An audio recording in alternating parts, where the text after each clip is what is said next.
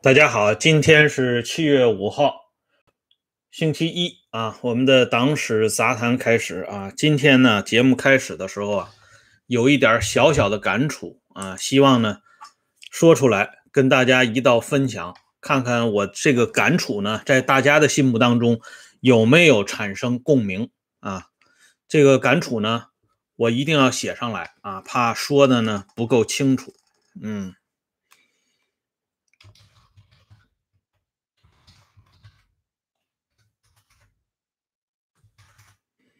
魁伟，魁伟多年的历情景，朋友浮现啊，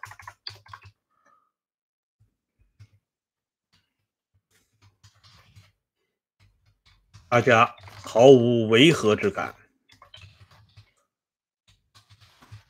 充分证明了一点：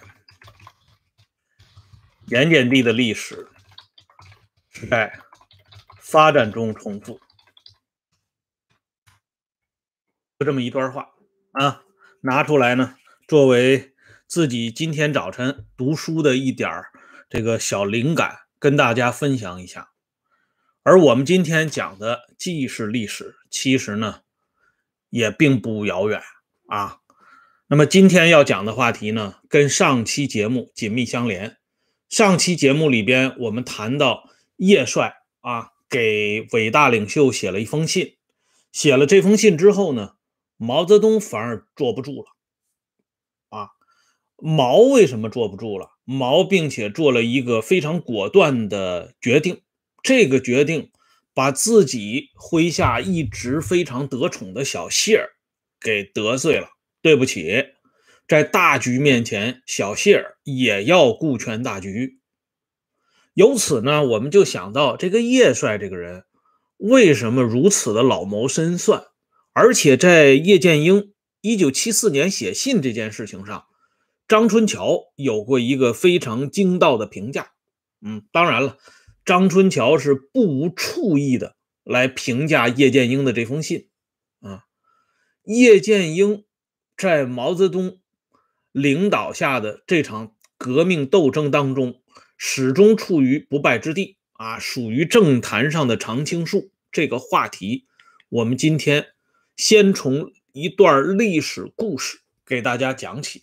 这段历史故事呢，以前我跟大家说过，也曾经在我的 一部作品《王耀武传奇》当中呢，给大家专门写过。但是以前啊，都是用文字，都是用语言来形容。今天呢，我们配上一个连环画，啊，就是我们少年时代的启蒙历史读物之一。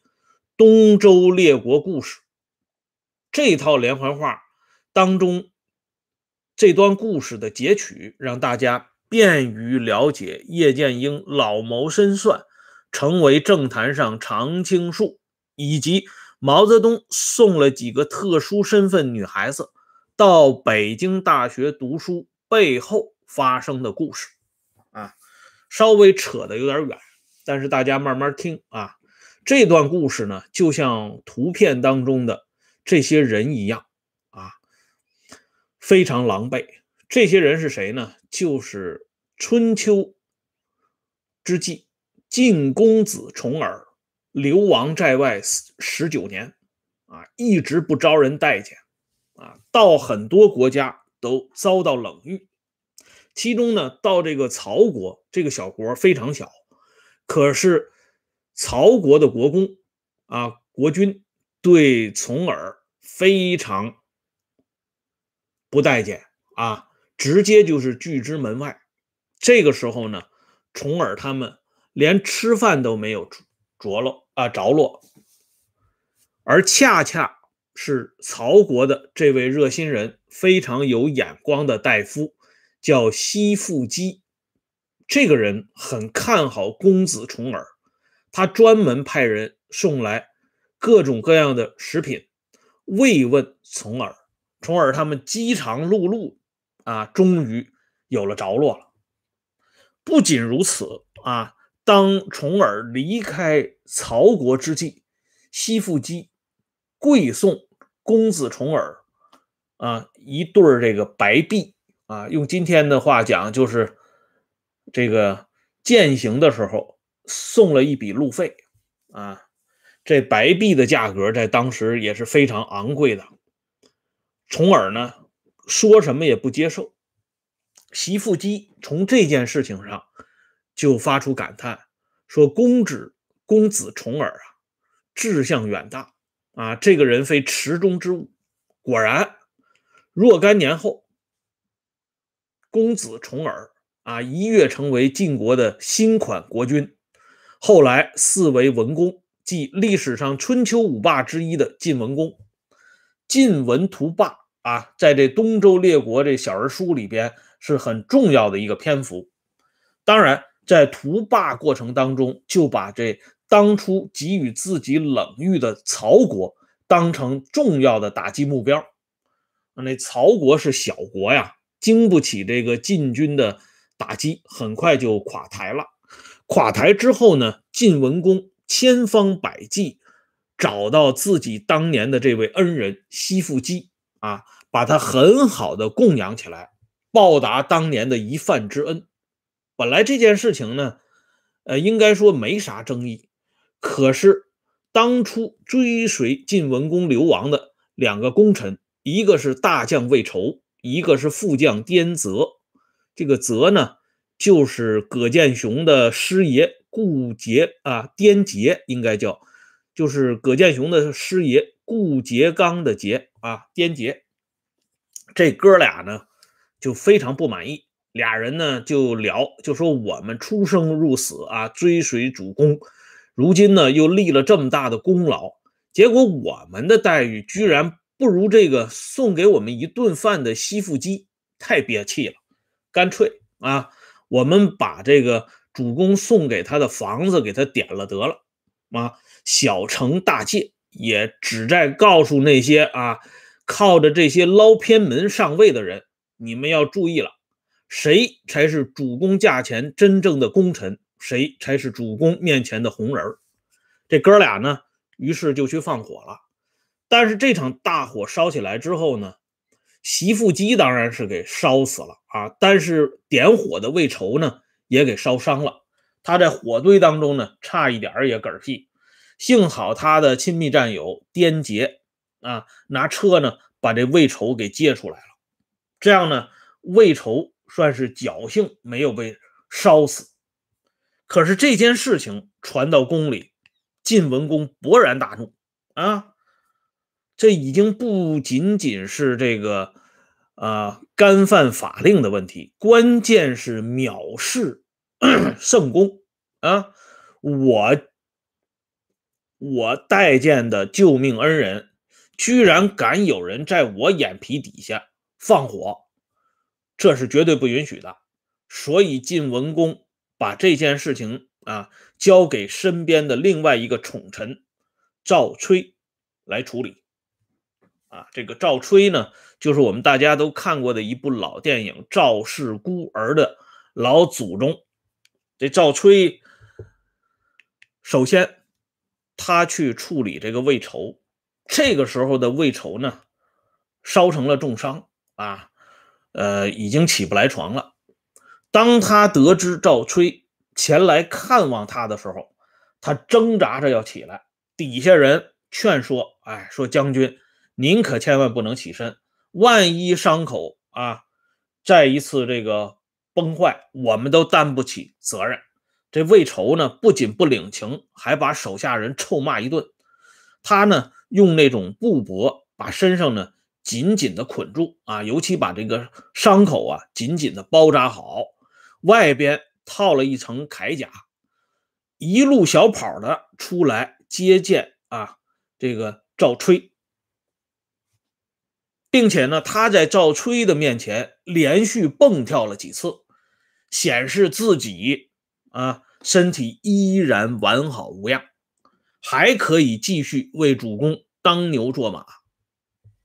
赵吹呢笑了笑啊，安抚魏仇 说：“将军。”可以回去了啊，没有问题。我这就向主公前去禀报。原来呢，在赵吹去探访魏仇之前，啊，公子重耳与赵崔君臣之间就有过一次具体的筹划。赵崔提出来，魏仇是一员大将，啊，日后对咱们还有用，所以这个时候轻易把他杀掉有点可惜，就是说利用价值很大。但是颠杰就不同，啊，而且这一次放火的主谋是颠杰，把颠杰杀了就足以啊平民愤了啊，这民愤当然也就是军愤啊。但是重耳晋文公又多了一句话，他说：“你去看看魏仇，如果魏仇烧得很严重，啊，已经起不来床了，那就把他跟颠杰一道就送走了，不必废话。”赵崔说：“好，我去看一看。”这也就引出了魏仇为什么强忍着浑身的疼痛，一定要爬起来。在晋文公派来的特使赵崔面前连蹦带跳的原因，大家都追随主公逃亡十九年，都曾经做过主公肚子里的蛔虫。主公的那点小九九，魏仇虽然是一员武将，但是他粗中有细啊，就跟许司令是一路人物，他知道赵吹此来的真正的使命所在。这样的话呢，赵吹把自己看到的这一幕回复给主公，晋文公决定，那就杀颠杰一个人，啊，魏仇呢就是处分了一下，最后还重新启用。那么这一段历史故事告诉我们什么呢？就是君主啊，君王、领袖这种顶尖级的人物，他在对付他手下的这些人。只分有用与无用，有用的要暂时留下来，没有用的并且有害的，一定要积极的把它除掉，根本不能留下来。而这段历史故事呢，展现出的另外一段，也充分的说明了这一点。这里边啊，戴着官帽子的这个人是谁呢？他叫宋濂，是明朝著名的开国功臣，是明朝开国的文臣之首。在这个人的身上呢，叠加着我们熟悉的陈伯达、胡乔木、田家英、郭沫若等这些啊诸多的大文人、大知识分子啊、大干部身上的各种各样的角色和形象啊。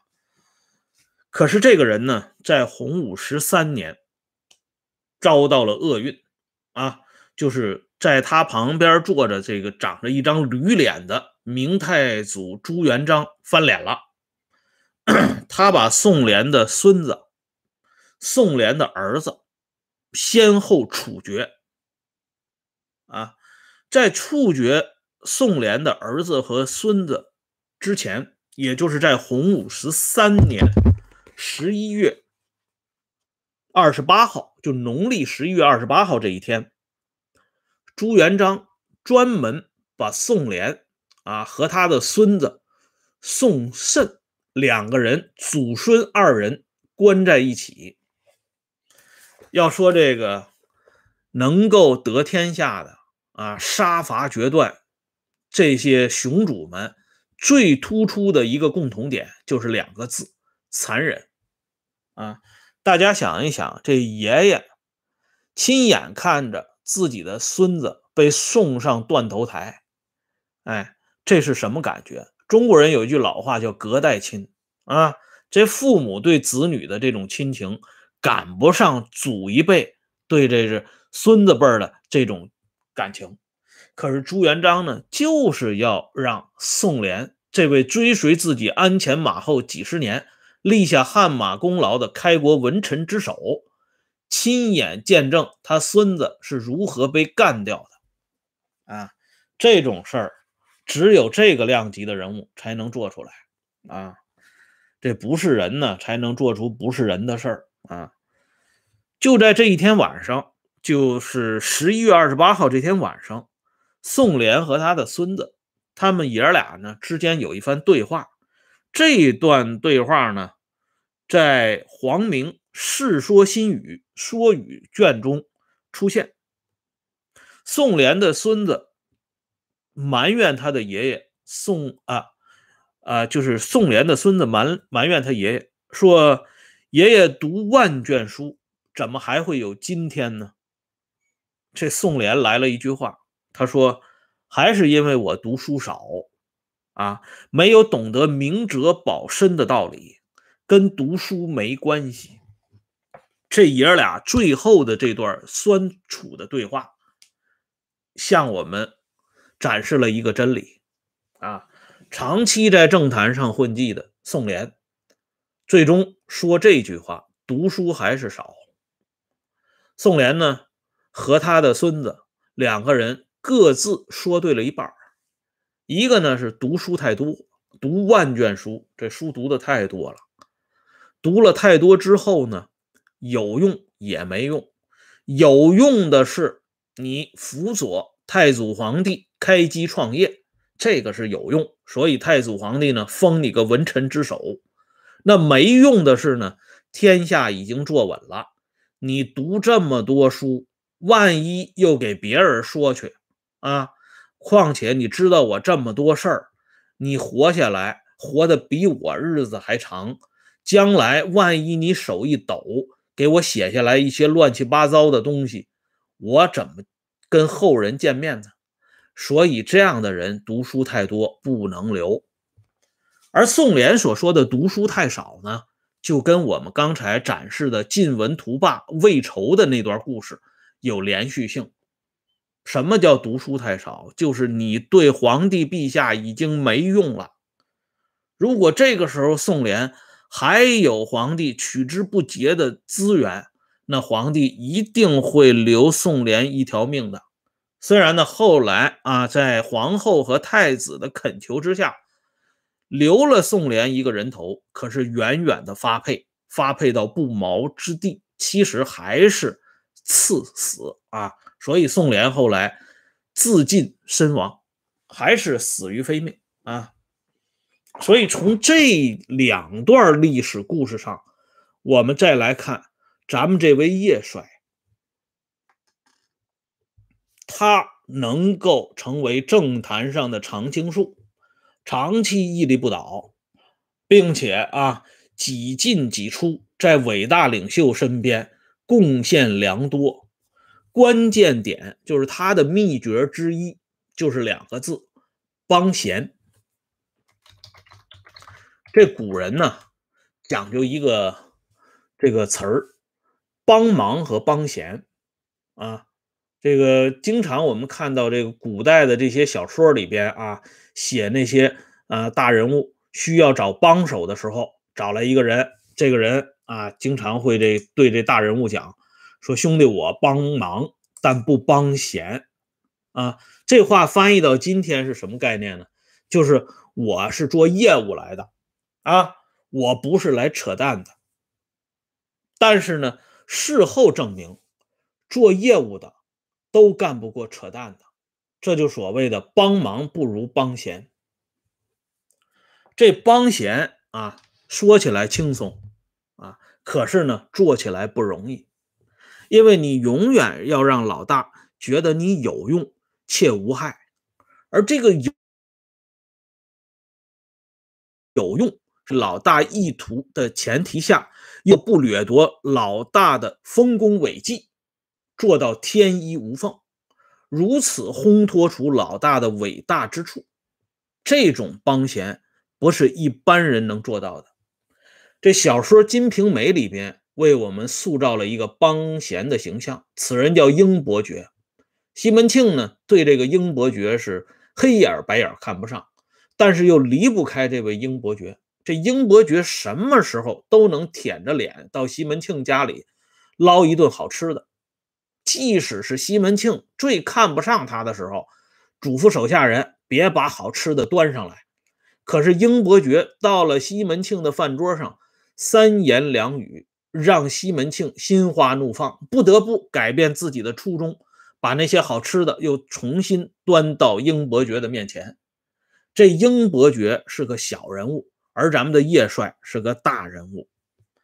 他在历史上的这些帮闲的功劳，那真的是不得了啊！远的咱们就说当年的草地密电，其实何尝有这份电文呢？到今天，这个电文也是一个乌龙啊，根本就没见过，没有人见过。陈昌浩没见过，徐向前没见过，李先念也没听说过。啊，但是呢，他就活生生的存在在今天的党史教科书里边。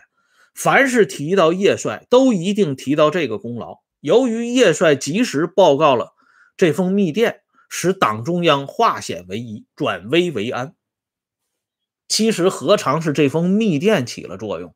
根本就是伟大领袖与张国焘尿不到一个壶里，跑是早晚要跑的。这个时候需要一个借口。就在这个时候，帮闲就出现了，咱们的叶帅也就出现了，咱们的叶帅的功劳也就体现在这里啊。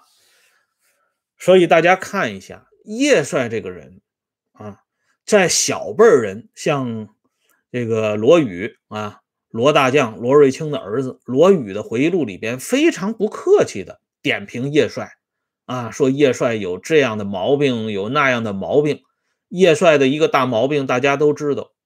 还有那位啊，文革当中啊上蹿下跳的小爬虫戚本禹，在他的回忆录里边，对咱们的叶帅也是一通开销啊，说叶帅的那些带引号的啊光辉业绩都被他写到了内部的情况汇报上边。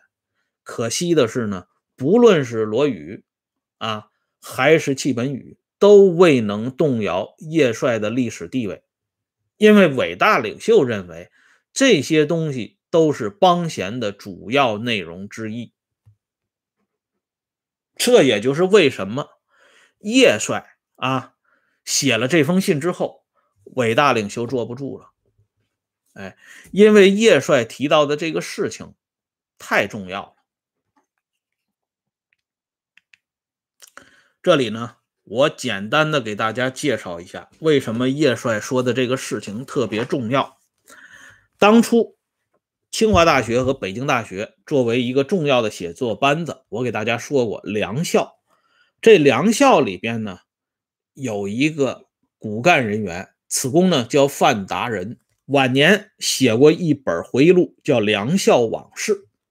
在这本回忆录里边，他提到谢静怡。曾经跟他说的这番话，这番话是怎么来的呢？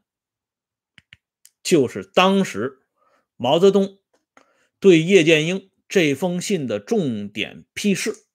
上一期我们不是留一个这个小悬念吗？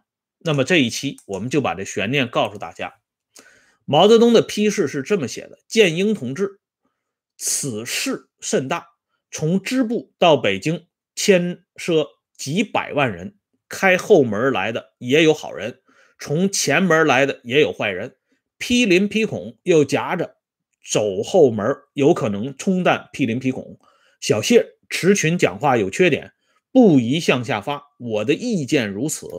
批示的时间：一九七四年二月十五号。毛泽东的这么一番批示。让谢静怡、池群等人之前抓住走后门大做文章，落了一场空。但是谢静怡毕竟是在毛身边混过的人物，他很快这脑子就转过弯来了。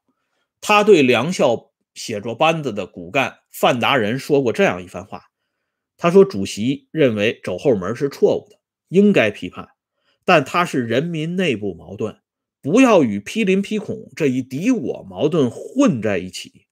很多干部有走后门的问题，批林批孔运动还要靠他们主持。谢静怡的这番话，让我们看到了不经意之间流露出批判走后门之间到底藏着多大的玄机。这里边呢，范达人给我们介绍了一个历史的真实情况。他说，一九七三年的时候，北京大学招收第三批工农兵学员，啊，历史系，北大历史系来了三个女孩子，她们的年龄呢都在二十七八岁左右。三个人既没有单位推荐，啊，也没有明确的来路，反正直眉愣眼的就来到了北京大学历史系。当时的北京大学历史系比今天还要显赫呀！啊，那个时候大学很多都停办了，而这北京大学，啊，继续呢耀武扬威。这样呢，很多人对这三个女孩子的来路就表示非常感兴趣啊，就一直要打听。可是这三个女孩呢，守口如瓶，一个字都不透露。这样呢，这个历史系的班主任就有点恼火啊。这班主任也有来头啊，他呢就放出话来了，他说：“我一定把这三个人查的是水落石出啊，从哪儿来啊？居然都不说。”后来。校党委啊，包括谢静怡他们都知道了，赶紧找班主任谈话，不要轻举妄动啊！这三个人的来路你不要过问啊，这个也不该你过问。这样呢，这班主任就消停了。直到后来啊，范达人跟这三个女孩子聊了聊天才知道这三个女孩子。真的很有来头，这来头究竟有多大呢？咱们留待明天接着说。感谢朋友们上来收看和收听，欢迎大家关注“温相说时政”会员频道啊，周一到周五每天都有更新，一会儿我们就去更新啊。刚才看到两位朋友啊，也加入了这个说时政的会员频道，感谢啊。那么昨天呢，我这个节目里边呢，跟大家说过了，开了一个这个新的这个频道，作为备用号，就是温相传媒。感兴趣的朋友呢，欢迎加入啊！我再把链接呢给朋友们发上来一下。